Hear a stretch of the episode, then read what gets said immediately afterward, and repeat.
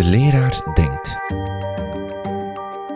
Een podcast van Buiten de Krijtlijnen in samenwerking met TeacherTap Vlaanderen en Artevelde Hogeschool.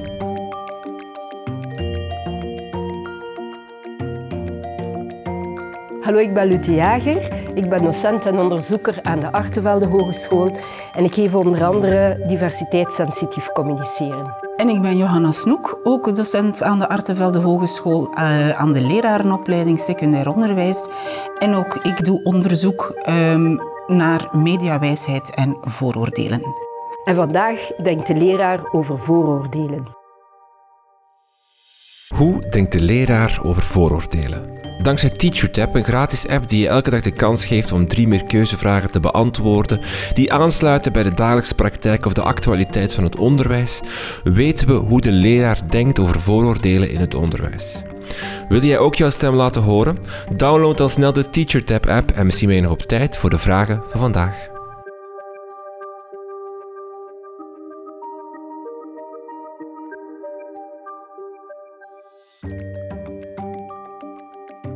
Dag Lut, dag Johanna, welkom in de podcast. We gaan het vandaag hebben over vooroordelen. Um, mag ik zeggen dat iedereen vooroordelen heeft? Klopt die stelling als ik daarmee begin? In principe wel. Ik wil enkel al even kaderen dat wij eigenlijk eh, voornamelijk gebruik maken van de term impliciete vooroordelen. Vooroordelen op zich zijn eigenlijk aannames, eh, zaken die wij echt vertellen, zoals alle walen zijn lui. Wat dat daarachter ligt, waarom dat je dat zegt, heeft vaak gelinkt, eh, is vaak gelinkt aan impliciete vooroordelen. Maar het is wel een bewuste stelling dat je geeft. En dus je bent je daarvan bewust, bewust excuseer, dat je dat zegt.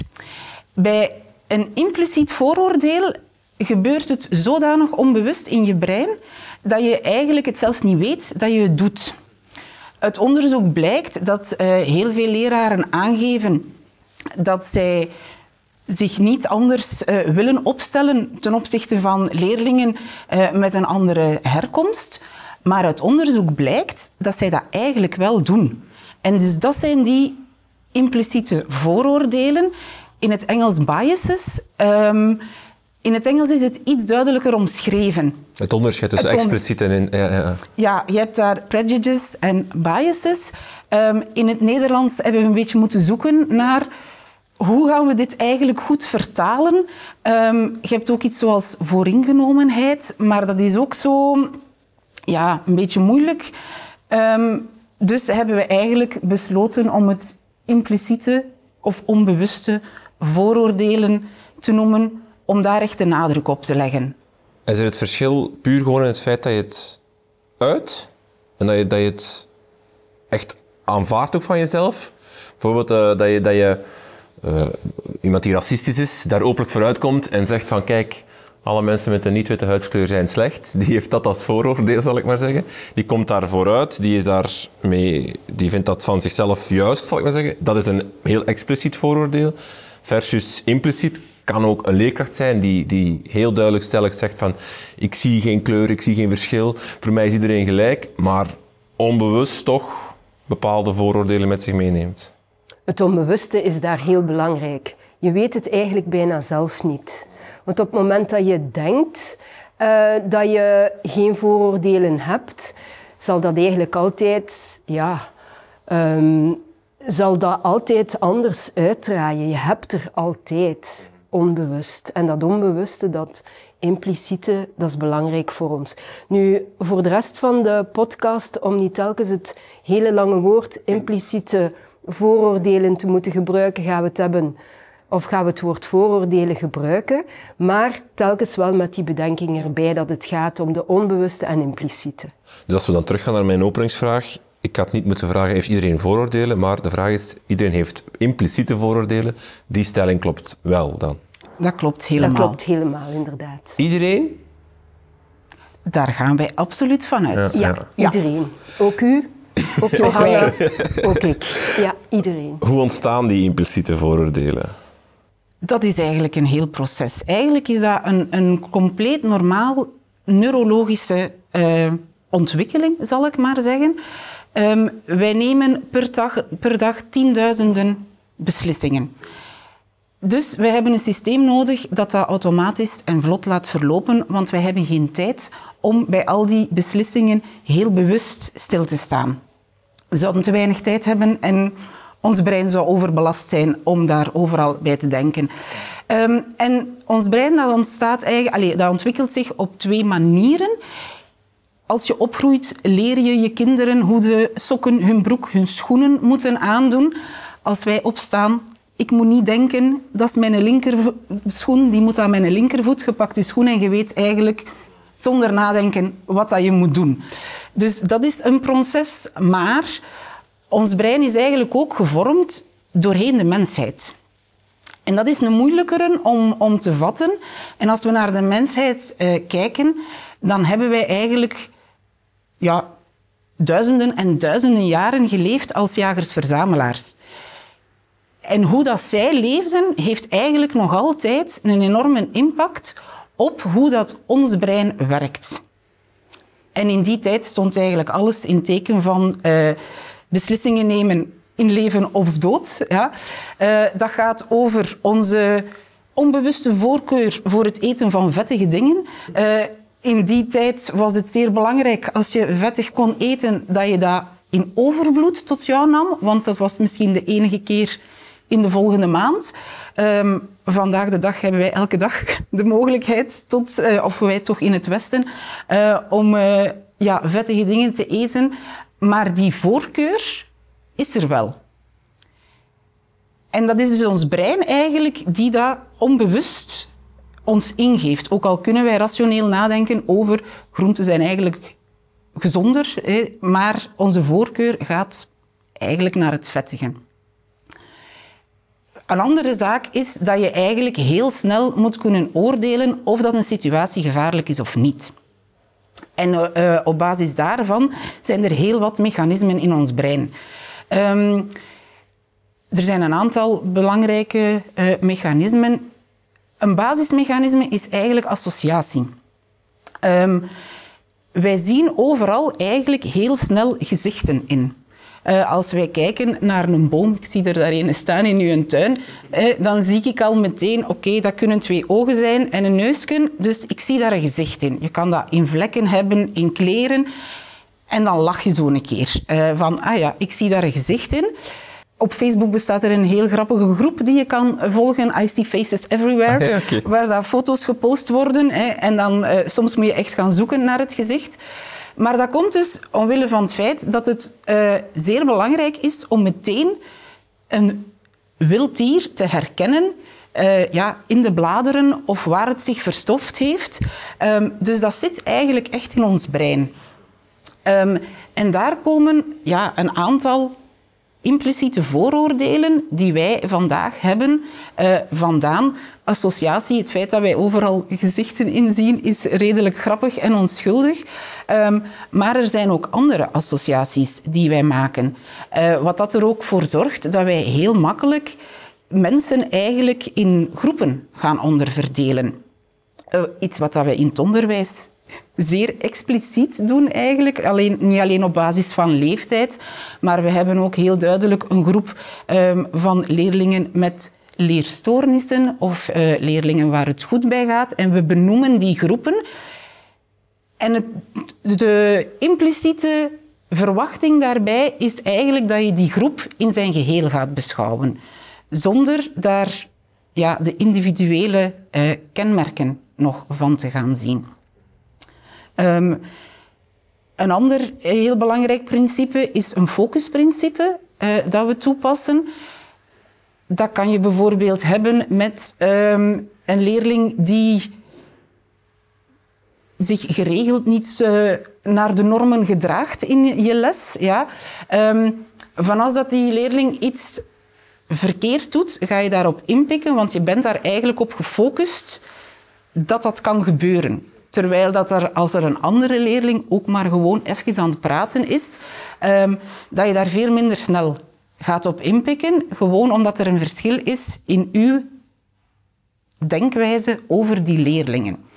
Uh, iets waar leerlingen ook vaak naar verwijzen als ze vinden dat leerkrachten uh, ja, een pik hebben op hen, want zo benoemen ze dat dan.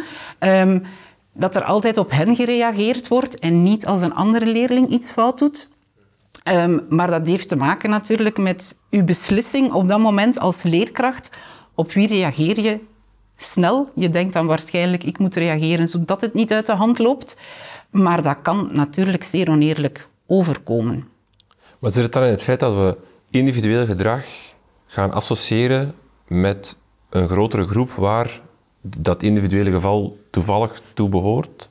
Bijvoorbeeld, we, we, eh, als we teruggaan naar de, uh, de tijd van de, de aanslagen, dat, we dan, dan, dat werd dan ge, uh, die aanslagen werden uitgevoerd door moslimextremisme. Daarom denken we nu, elke moslim is een potentiële terrorist. Ja. Of die onbewuste, impliciete, impliciet vooroordeel nemen nu heel veel mensen met zich mee. Ja, um, twee dingen daarop. Eén, um, het is heel belangrijk dat we mensen zien als individuen.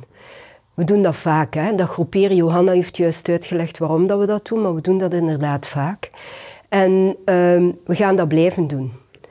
Ook na deze podcast.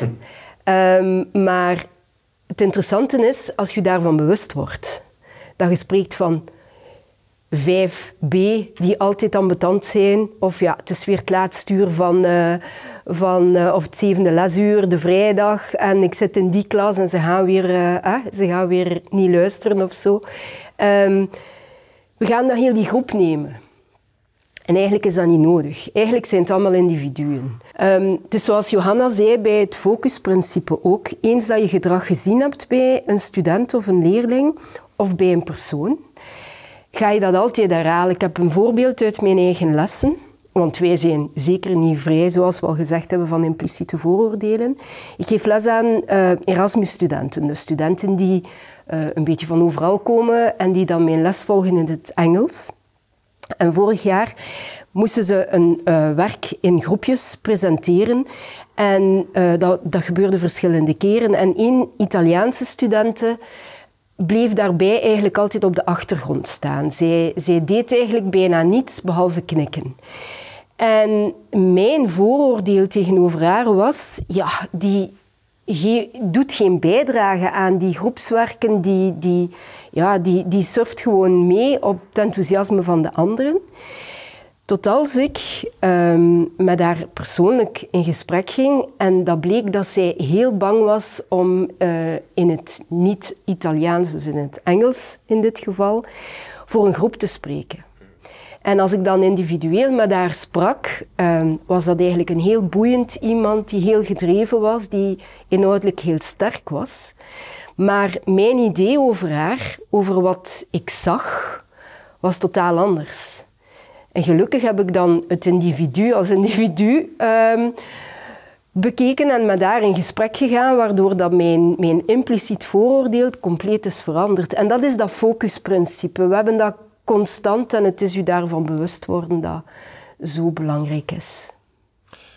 Je ziet het al heel vroeg, hè? jonge kinderen die bijvoorbeeld, jongens die toch die, die een voorkeur krijgen voor jonge speelgoed, impliciet of, of daar toch een, een goed of juist uh, um, attributie bij maken. Het, het, het, komt heel snel dat, dat, dat impliciete vooroordeel of impliciete denkpatronen zich nestelen in een, in, in een persoon.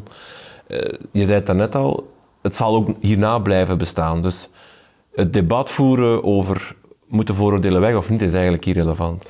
Dat is voor mij en voor ons alle twee inderdaad irrelevant. Het is de bewustwording. Die belangrijk is. Als we even kijken naar onderwijs, welke vooroordelen leven daar vooral? Op welke gebieden zien we dat leerkrachten, als we daar even op focussen, vooroordelen, impliciete vooroordelen hebben? Er zijn heel veel impliciete vooroordelen en um, wij kunnen eigenlijk in onderwijs vooral voorbeelden geven. Maar het is belangrijk om te weten dat um, hoe dat we die, uh, ik ga even het woord biases gebruiken, omdat dat iets makkelijker uh, bekt voor mij. Um, die biases worden eigenlijk onderverdeeld naar mechanismen die dus in ons brein gebeuren. bijvoorbeeld, wij hebben een voorkeur voor mensen die eigenlijk op ons gelijken. Um, waar dat je dus heel veel voorbeelden vanuit onderwijs kan aankoppelen. Um, we hebben een voorkeur uh, voor ideeën die aansluiten bij ideeën die we zelf hebben. Ehm, en daar komt ook dat hokjesdenken weer. Uh, de group attribution error. Ja, dus het feit dat wij bepaalde kenmerken gaan toewijzen aan personen, dat wij eigenlijk op zich te weinig informatie over hebben om dat eigenlijk al te kunnen besluiten. Dat is ook zoiets wat dat ons brein doet. Ons brein vult eigenlijk zaken aan die er daarom niet zijn. Maar door dat associatieprincipe gaan wij dat eigenlijk gewoon gaan veronderstellen. Dus eh, biases worden eigenlijk uh, op die manier gecategoriseerd. Te veel informatie, een gebrek aan informatie. Um, en dus er zijn ongeveer 180 beschreven biases. Uh, voor ons is het verschil tussen de biases ook altijd niet zo duidelijk. Het is soms een beetje zoeken, uh, is nu die een bias of die een, omdat ze zo wel een beetje uh, aan elkaar leunen. maar dus we kunnen zeker een aantal voorbeelden geven over wat er duidelijk leeft in onderwijs. Ja. Um, je hebt daar juist uh, aangehaald bijvoorbeeld uh, de gender bias. Je hebt gezegd jongens en meisjes gaan al vroeg hè, dingen samen doen. Dat zal niet altijd zo zijn, maar dat is inderdaad ook hoe wij er naar kijken. Uh, als uh, bijvoorbeeld een broer en een zus in, in eenzelfde school terechtkomen um, en de zus um, heeft het, is een paar jaar ouder en doet het heel goed op school. en de broer komt dan dan ga je verschillende biases zien, zien werken. Um, enerzijds gaat de leerkracht verwachtingen hebben naar die broer die dezelfde zijn als uh, de verwachtingen naar uh, de zus toe. En als dat dan niet gebeurt, um, dan gaat die leerkracht onbewust denken, ja, het is een jongen, hè.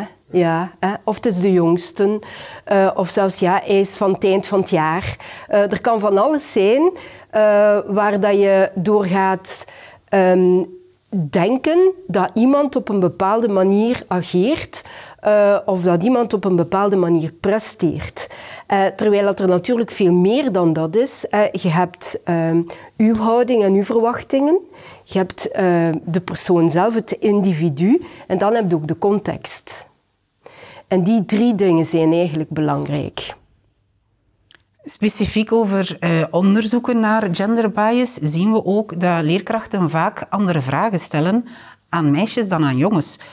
Hangt ook een beetje samen met uh, soms het intellectueel niveau dat we veronderstellen bij groepen, hè, waar dat dan vaak uh, de groepen met een andere thuistaal um, ja, als minder intelligent um, gepercipieerd worden waardoor dat je andere vragen gaat stellen. En dat is iets waar dat je je vaak niet bewust van, van bent.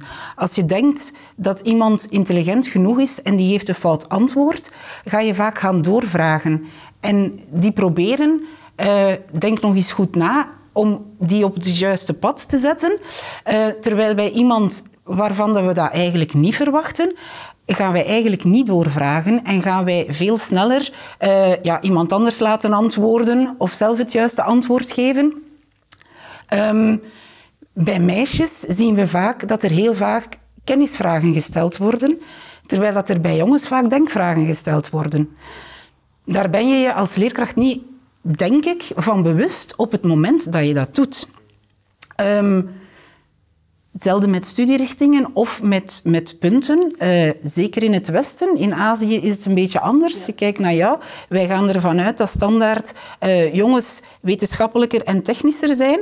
Uh, waardoor dat wij die onbewust als leerkracht in dat vak anders gaan benaderen dan meisjes die in onze gedachten taliger zijn, bijvoorbeeld. Ik, voordat we nog verder induiken, zijn er voordelen aan vooroordelen hebben? Ja, want zoals ik daar straks zei, wij moeten zoveel beslissingen nemen per dag. Uh, en we vergelijken dat ook met snelwegen eigenlijk in ons, in ons hoofd. Um, zouden wij die snelwegen om snelle beslissingen te nemen niet hebben, we zouden compleet vastlopen. Wij zouden niet kunnen functioneren. Um, dat is wat dat Daniel Kahneman systeem 1 denken uh, noemt. Dus dat gaat automatisch, dat gaat snel.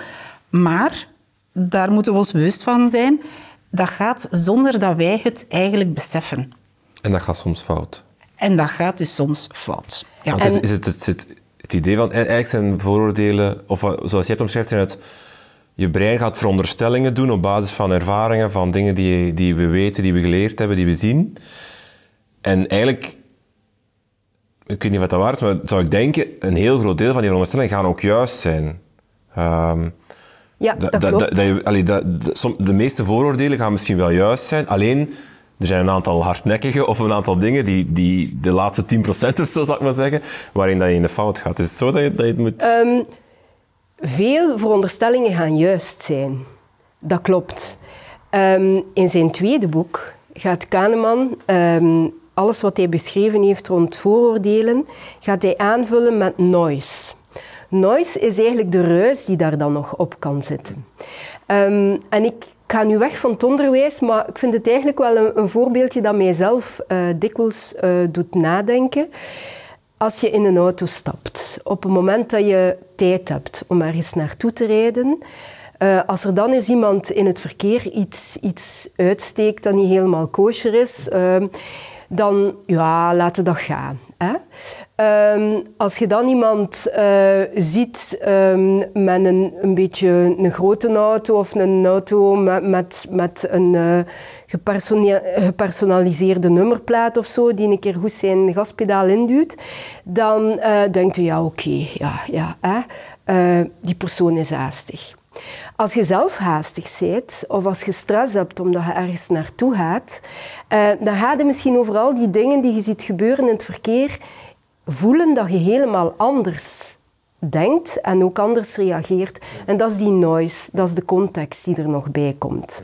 Eh, en ook in klassen heb je dat. Hè.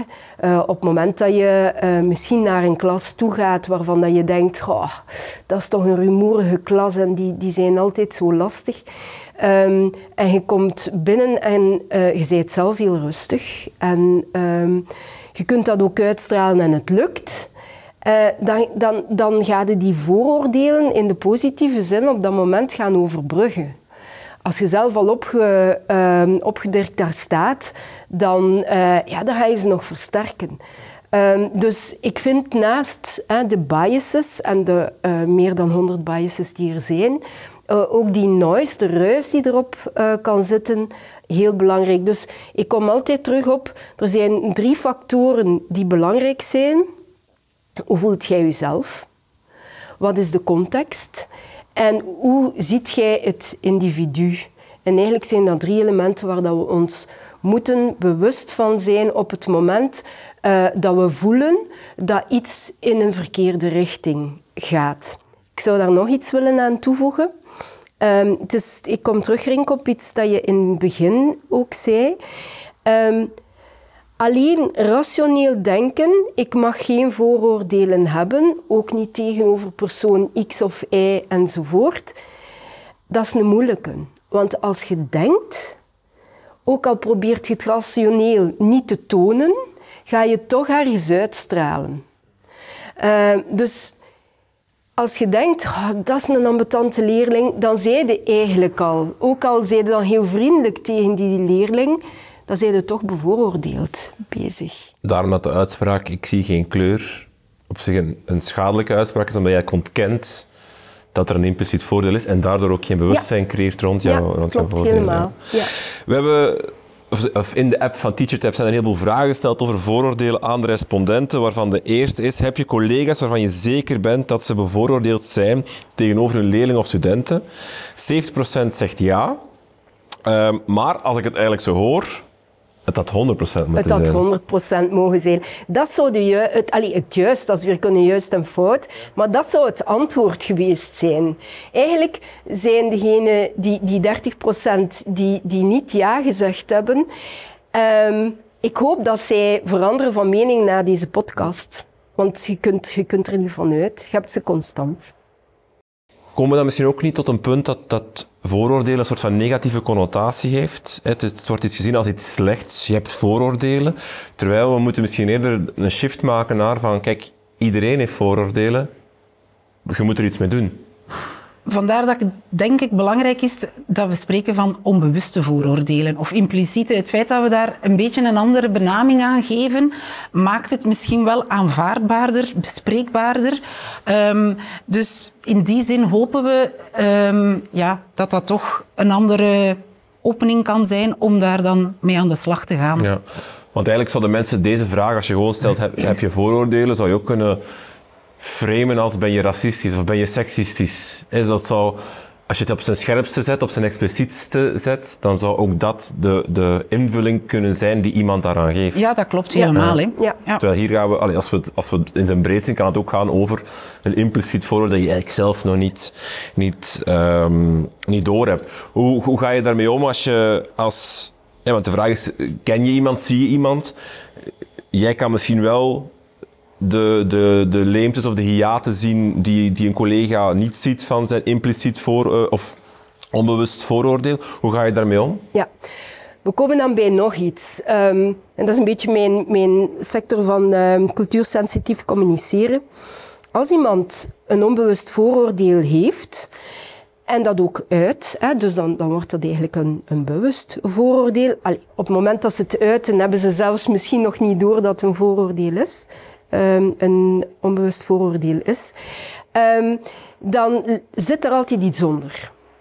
Dat kan bijvoorbeeld zijn een angst. Een angst eh, dat je je les niet goed gaat kunnen geven. Eh, een angst dat, ehm, dat mensen op een negatieve manier tegenover u gaan reageren. Er zit daar iets onder. En eigenlijk het eerste wat we proberen te doen, en dat is gaan peilen naar waarom. Waarom is dat gevoel bij u opgekomen? Ehm, en dan gaan we eigenlijk een stuk weg van hetgeen gezegd is geweest. Ehm, een voorbeeldje zou kunnen zijn, ehm, ik ga nu weg van het onderwijs. Een buurvrouw van mij die was heel erg bang eh, omdat er een gezin van andere origine in de straat ging komen wonen.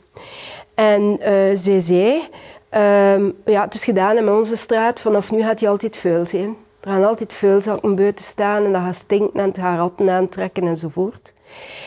Ehm, dus zij zat met een vooroordeel, een serieus vooroordeel. En eigenlijk is het dan belangrijk dat je niet gaat zoeken naar ehm, of, of, of daartegen reageren onmiddellijk, want dan ga je een soort van strijd aan. Dan kom je bijna in een gepolariseerde discussie. Maar dat je gaat zoeken naar, naar het onderliggende daarvan. En het onderliggende daarvan eh, is bij haar eigenlijk... Ze is op pensioen, ze wil rust, ze wil genieten. eh, ze, wil, ja, ze, ze is tevreden als alles in orde is enzovoort. Dat is haar angst. Ehm, daarnaast kun, ja, en ben ik dan eigenlijk het gesprek aangegaan eh, over of zij wist dat de mensen die daar zouden wonen, eh, gaan wonen, al ergens anders een vuile straat hadden gemaakt. En dan kwam het groeperen. En dan kom je, maar ze doen dat allemaal. Hè? En daarover in gesprek gaan, eh, zonder het andere al onmiddellijk te ontkrachten, maar gewoon focussen op wat is haar angst of wat is haar zorg. En ehm, waarom is dat haar zorg? En is het zeker dat die mensen dat gaan doen? Eh, dat heeft eigenlijk voor haar een opening gecreëerd. En we zijn geëindigd in dat gesprek met bon, ja, we gaan wel zien zeker. En ondertussen valt dat heel goed mee. Ehm, dus er tegenin gaan, er een strijd over aangaan als iemand iets zegt, ehm, is eigenlijk niet altijd de goede reactie. Als ik dat even theoretisch mag kaderen, ik ben daar weer met mijn eh, mechanismen van ons brein. Ehm, een belangrijk mechanisme is het principe van behoud. Eigenlijk wat dat wij als denkkader hebben in ons hoofd, ehm, gaan wij als waarheid aannemen. En ons brein kan eigenlijk niet goed om met het feit dat dat tegengesproken wordt, want dan moeten wij afwijken van die snelweg.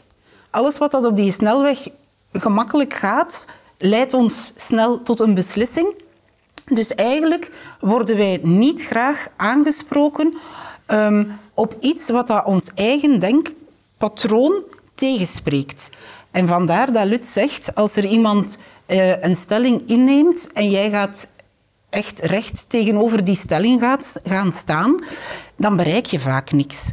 Ehm, dat is ook een ander onderzoek dat we doen over eh, hoe reageren op complottheorieën. Ehm, gewoon wetenschappelijke argumenten geven, dat helpt niet. Dus je moet op zoek naar de angst dat eronder ligt, de gevoelens die eronder liggen.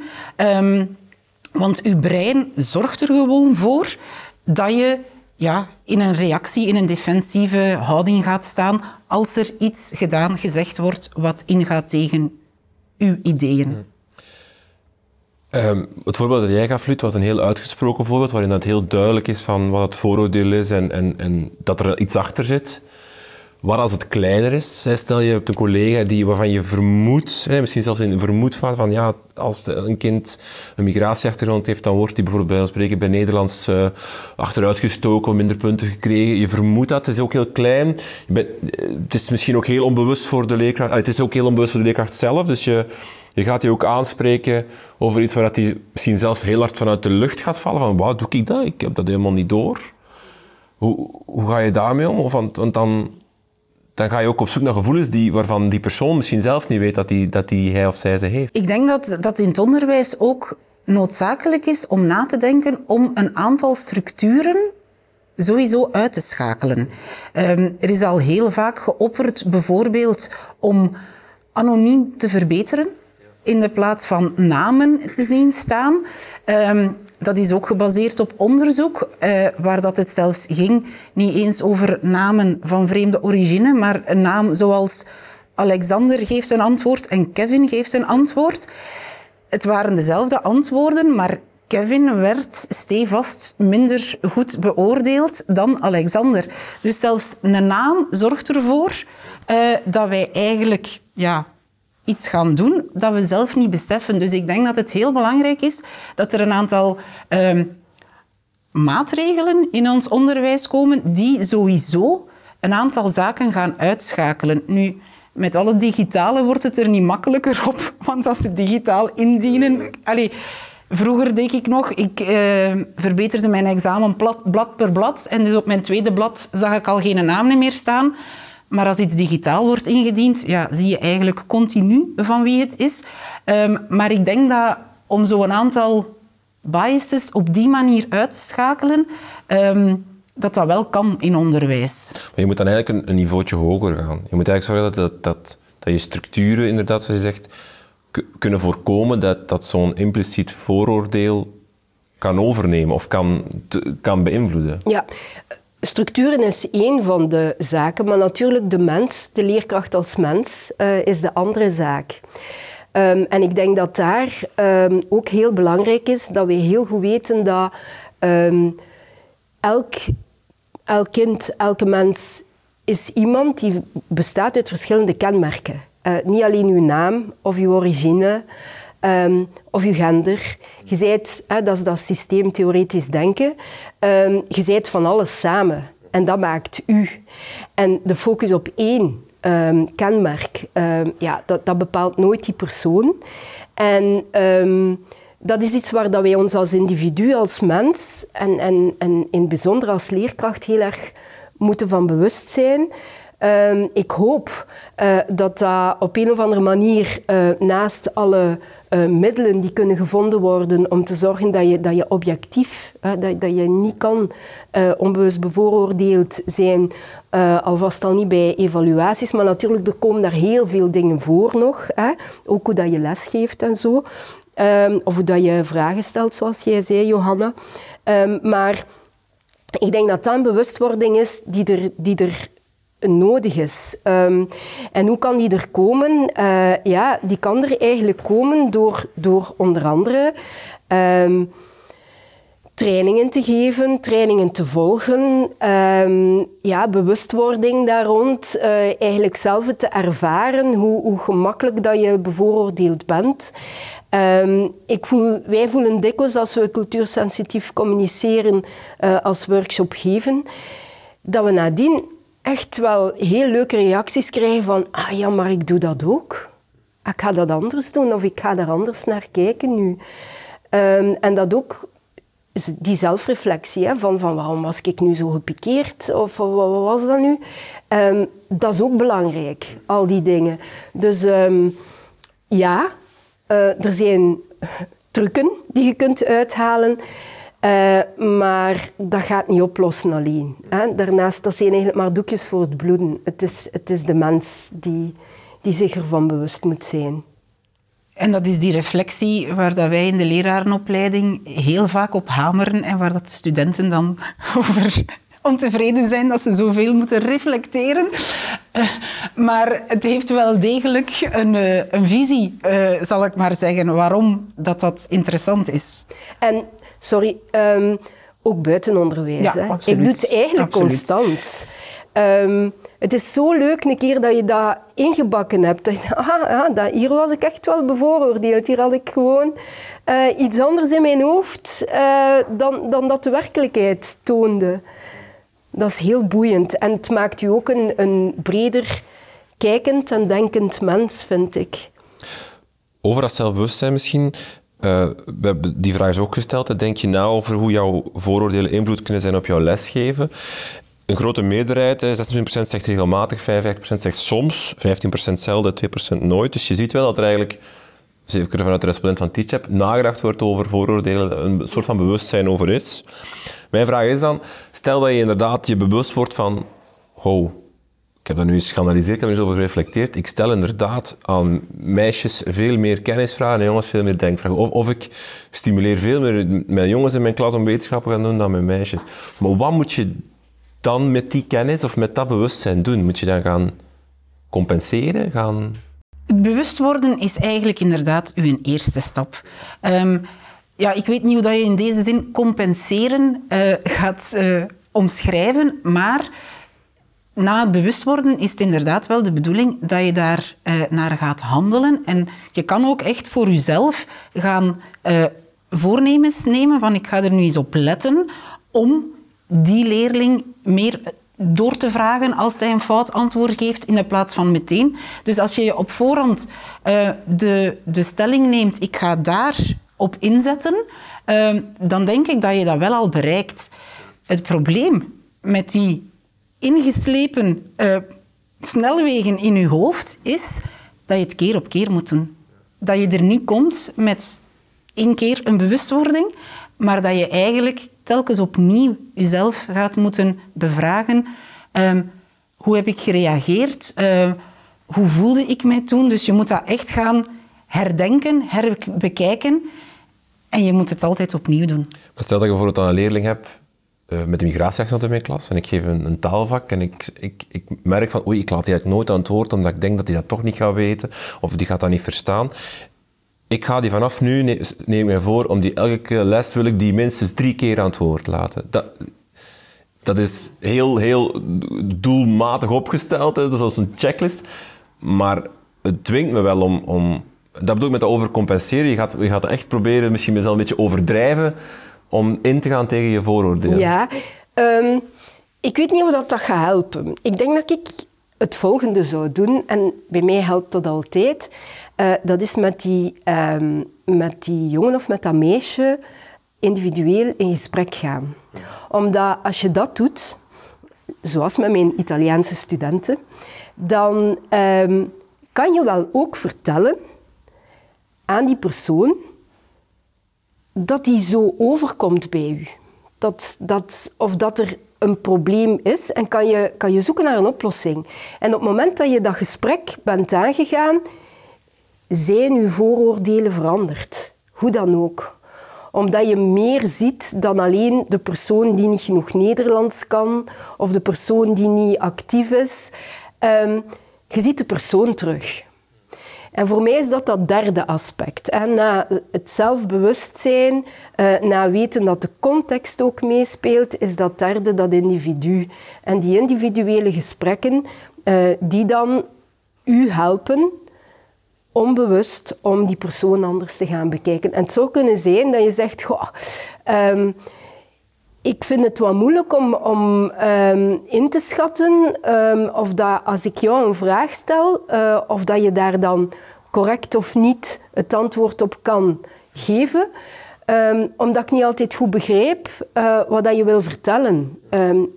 hoe zouden we dat kunnen oplossen? Ik kan ook weer een, een, een, heel, heel speciaal voorbeeld geven. In tijden van corona, in een groep van postgraduaat, ehm, gaf ik eigenlijk een groepsdiscussie eh, online. Ik had ze nog net gehad in uh, september uh, allemaal live. En ik had één student in die groep die toen heel actief was. Um, online um, kwam die zelfs niet meer in beeld. Hoewel ik gevraagd had aan iedereen om de camera aan te zetten in de groepsdiscussie, ging zijn camera systematisch uit als er groepsdiscussie was en gaf hij antwoorden in de chat. Dus hij, ja, hij nam eigenlijk niet meer op een andere manier deel. Um, ik dacht, ja, die zit daar thuis uh, in zijn gamestoel uh, meer te gamen dan wat anders. Mijn vooroordeel.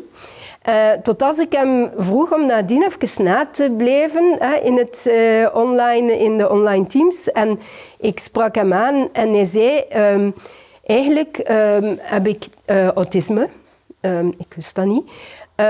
en dat formaat van online plots in beeld komen en dan moeten reageren, ik kan dat niet. Dat gaat niet voor mij. Um, dus ik zou eigenlijk liever alleen in de chat antwoorden.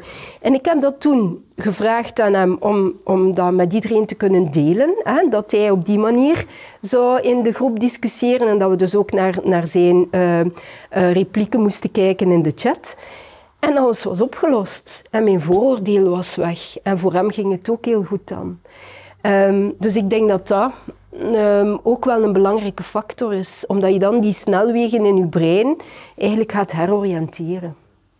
Het is misschien ook de moment om even uh, reclame te maken voor een uh, test die wij ontwikkeld hebben met een Erasmus Plus project, die bias, um, waar je eigenlijk moet reageren op video's om je eigen uh, biases te gaan detecteren. Um, Test Me Now is een makkelijk uh, te onthouden platform uh, waar leerkrachten zichzelf even kunnen testen. Mm -hmm. We zetten het in de show notes van de podcast.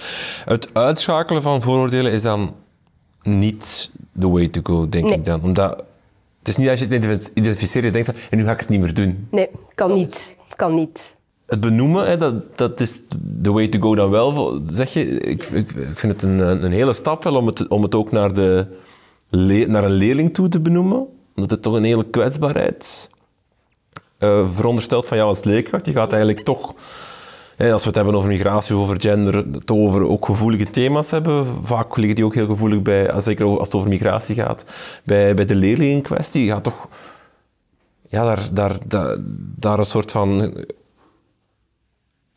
op zeggen van ja, ik, ik, heb, ik doe het ook of zo. En misschien had die leerling dat zelf niet door en ga je ook, ga je ook iets, iets iets benoemen wat misschien ook er niet, niet expliciet was?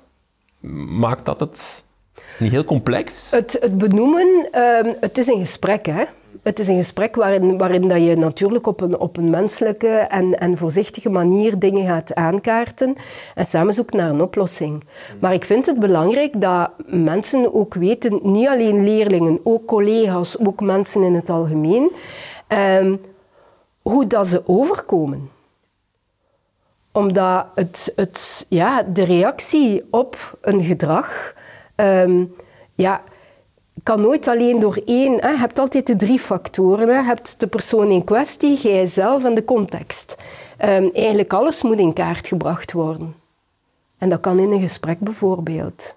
Kan ook door zelfreflectie, maar dan heb je natuurlijk nog maar één kant. Hè. En uit een kant en half met de context erbij. Hè. Ik was niet goed in vorm of ik heb niet, niet goed geslapen. Of uh, ik heb al twee moeilijke klassen gehad. Of uh, um, ik heb mijn les zo goed voorbereid en, en zij laten ze mij niet geven. Dat zijn ook contexten allemaal.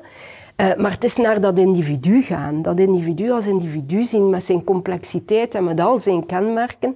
Dat u gaat ook ook gaat helpen om uh, uw impliciete vooroordelen te herpositioneren bijna. Niet kwijt te geraken, maar te herpositioneren. Heb jij je lesgeven en of handel ooit al aangepast om niet bevooroordeeld te zijn tegenover leerlingen, studenten, cursisten? Is nog een vraag. 59% zegt ja, 41% zegt nee.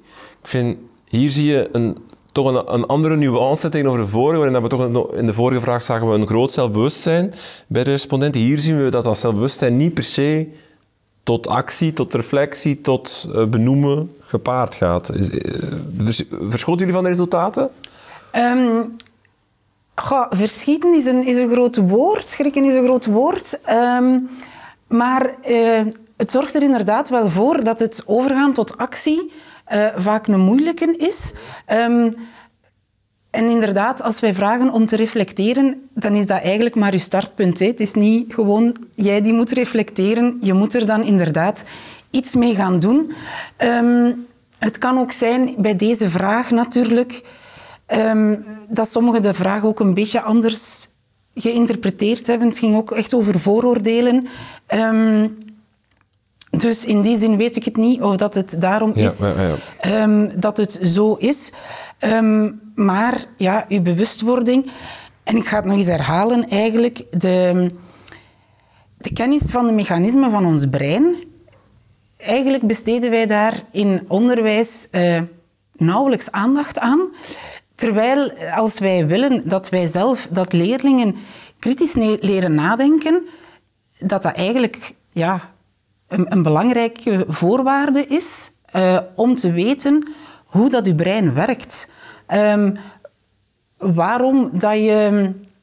Uh, als je kritisch moet nadenken over iets, waarom dat je, uh, als je op sociale media scrolt, um, een post gewoon als waar aanvaardt en een andere niet.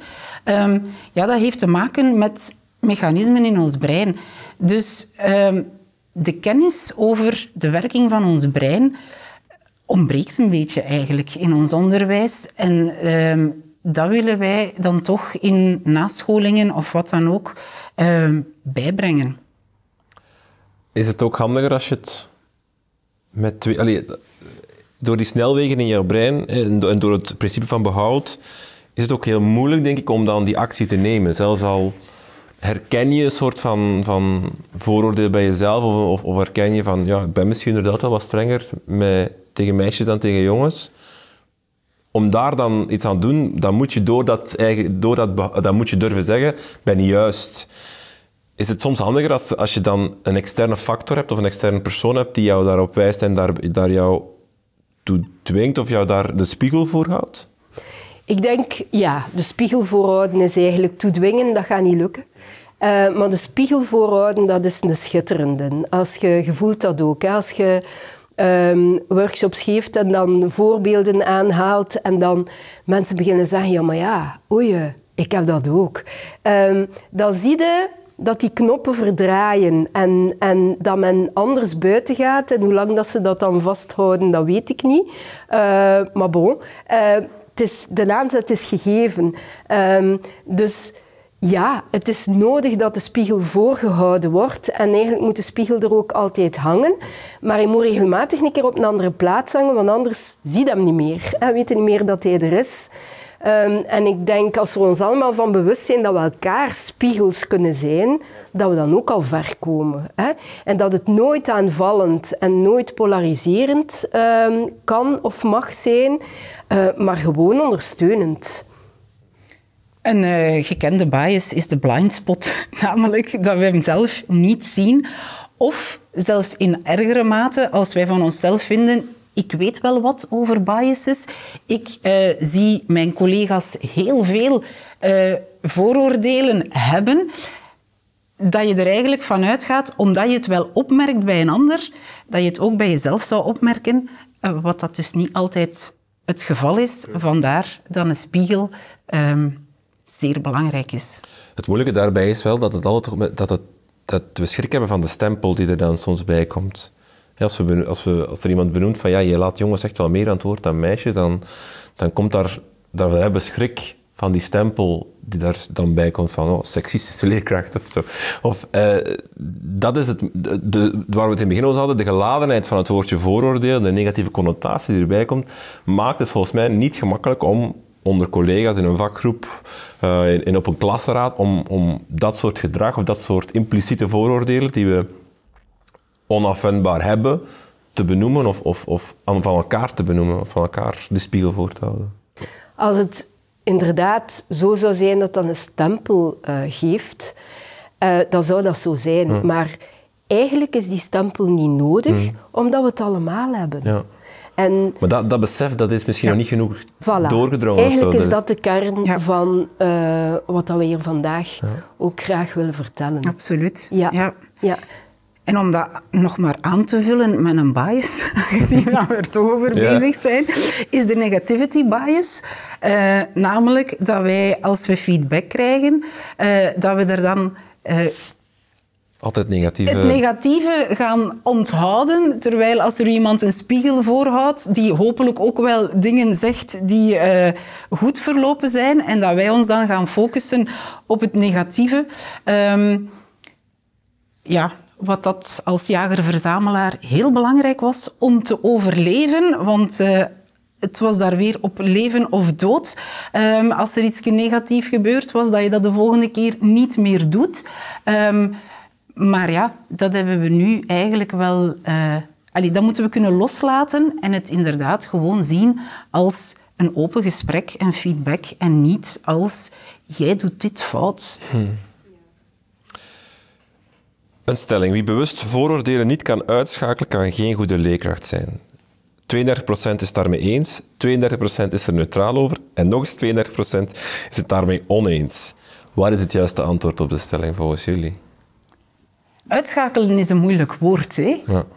aangezien dat we al hebben aangegeven dat iedereen het heeft. Ehm, nu, ja, als je je ervan bewust bent en je, je, je zet erop in en je gaat gesprekken aan, ehm, dan kan je dat in een specifiek geval hopelijk uitschakelen. Maar je moet je er bewust van zijn dat in andere klassen, bij andere leerlingen, eh, in andere contexten, dat je dat dan eigenlijk opnieuw gaat moeten eh, bij jezelf bekijken of het zo is. Ik zal de stelling anders formuleren. Wie niet, aan de, niet- wie niet op zoek gaat naar zijn onbewuste voor, vooroordelen en daar niet mee aan de slag gaat, kan geen goede leerkracht zijn.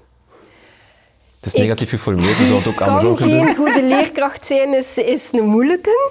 Ehm, Maar is het de taak van elke leerkracht als we, als, we, als we definiëren dat iedereen onbewuste vooroordelen heeft? ja. Is het dan niet de taak van, van elke leerkracht om daar toch, al was het maar waakzaam voor te zijn en daar, daar door middel van een spiegel, door middel van gesprek, door middel van reflectie, daar toch op zoek naar te gaan en daar iets mee te doen?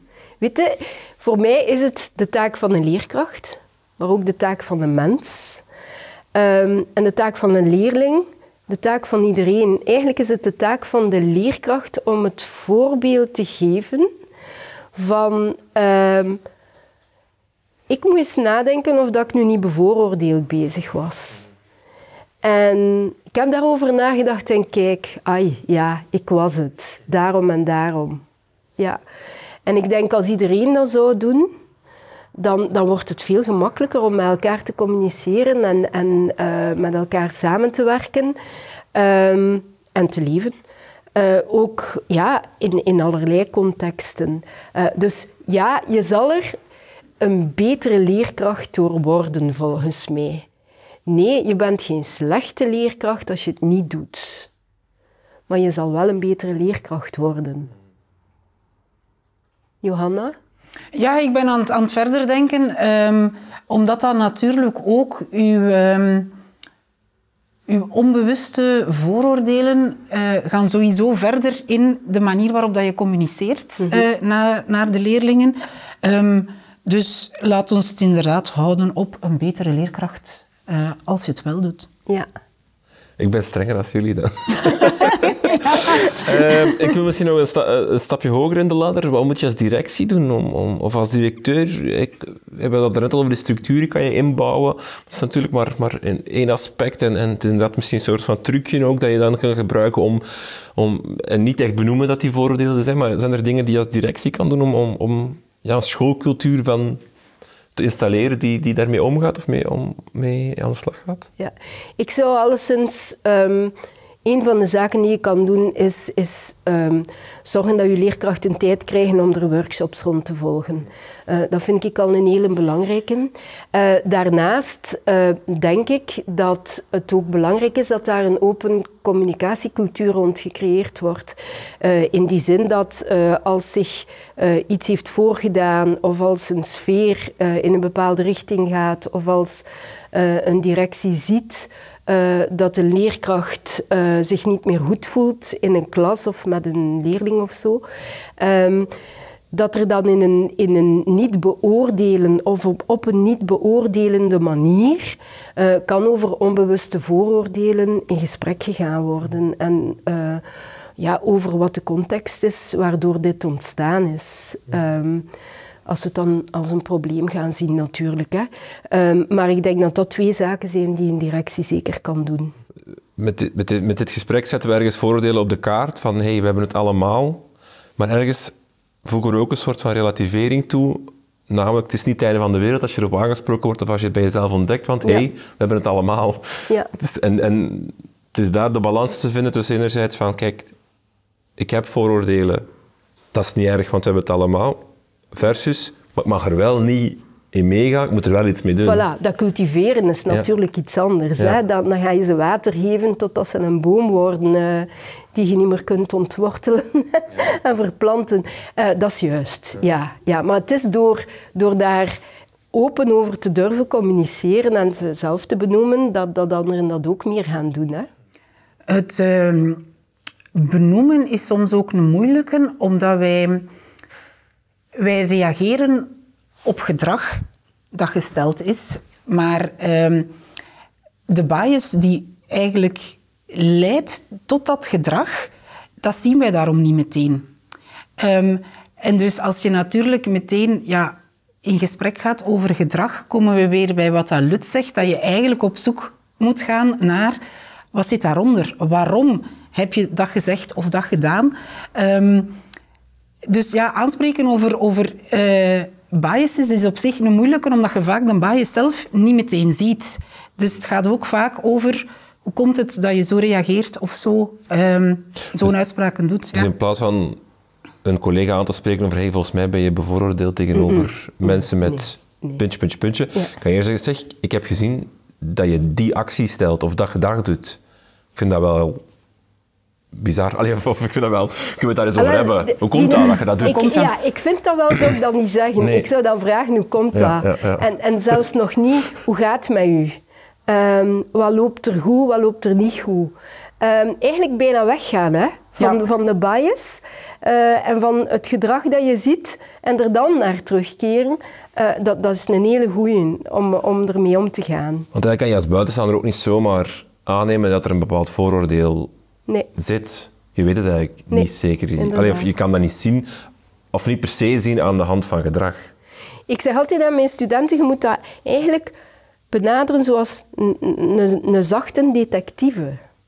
Dus je stelt Good vragen. cop, maar dan... Ja, allee, ja, ja, ja. En een eh, true crime in, eh, in impliciete vooroordelen.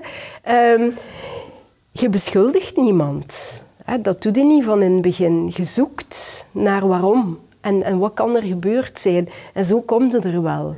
En ondertussen is die persoon door antwoorden te geven op je vragen en te voelen dat je interesse hebt in wat, wat hij te hij of zij te vertellen heeft, ga je eigenlijk ook al ja, die persoon een bewustwordingsproces laten doormaken zonder dat je beschuldigt. Ik wil er nog één dingetje bij halen, dat is informatie.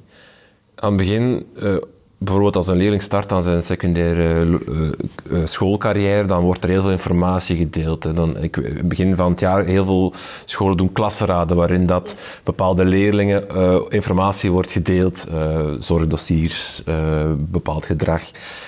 Ik stel mij altijd de vraag, als ik in die klasraad zit, van, zijn we hier nu niet gewoon vooroordelen aan het creëren over die bepaalde leerling. Ik, ik, heb heel, uh, ik heb situaties geweten waarin dat er al een doembeeld werd geschetst van jongens, met die leerling gaan we afzien dit jaar.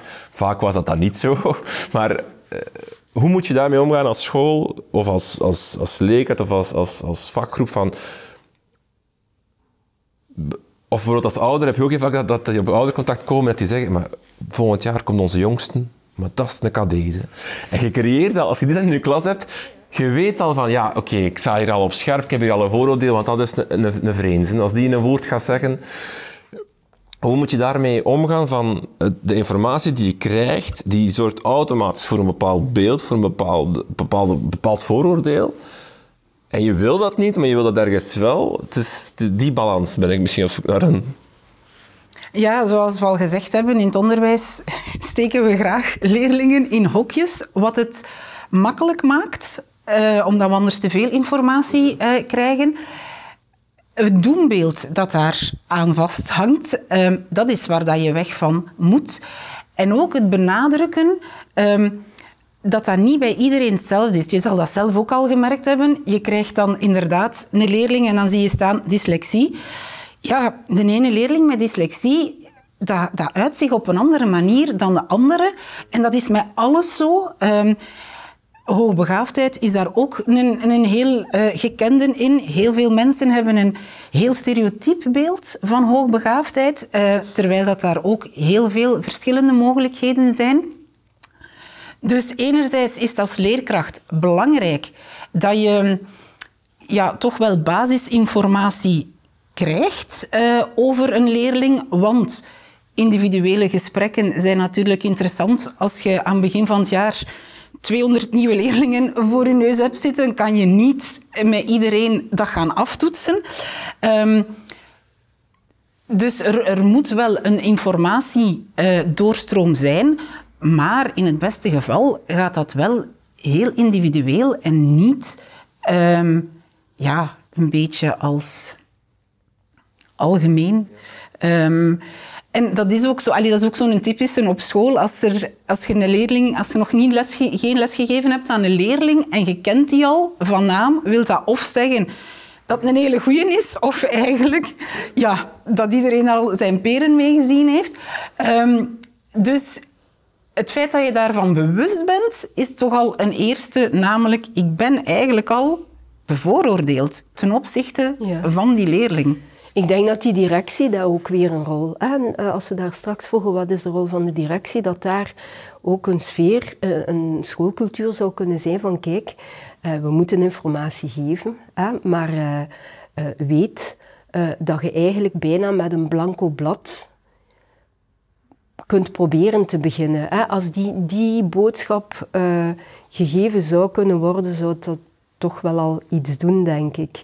Um, ik heb daar zelf een voorbeeld van. Ik heb ooit uh, op internaat gezeten uh, bij nonnekes en ik zat er absoluut niet graag. En ik wou eigenlijk daar helemaal niet blijven, dus ik probeerde daar ook voor te zorgen uh, dat ik niet meer op dat internaat eh, moest blijven. Leeslut was niet zo'n brave leerling. en... Um, ik ben dan uh, uiteindelijk daar inderdaad geweigerd. En uh, de nonnekes hebben dan een brief gestuurd naar het nieuwe internaat waar ik uh, naartoe ging.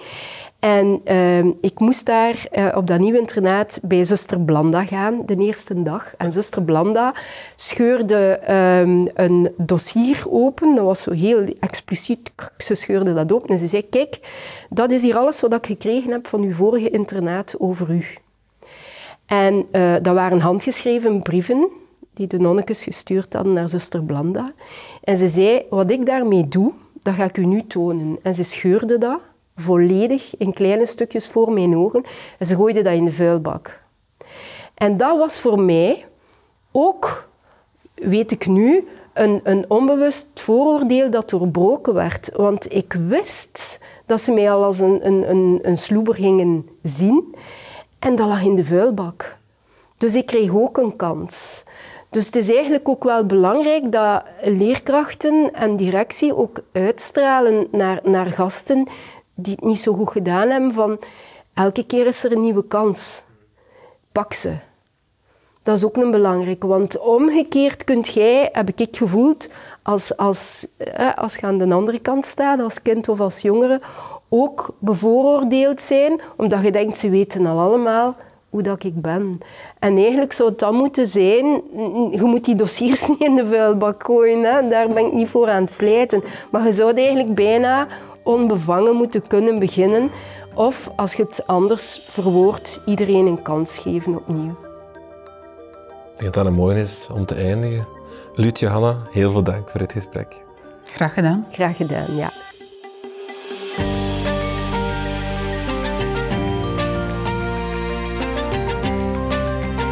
Leraar Denkt.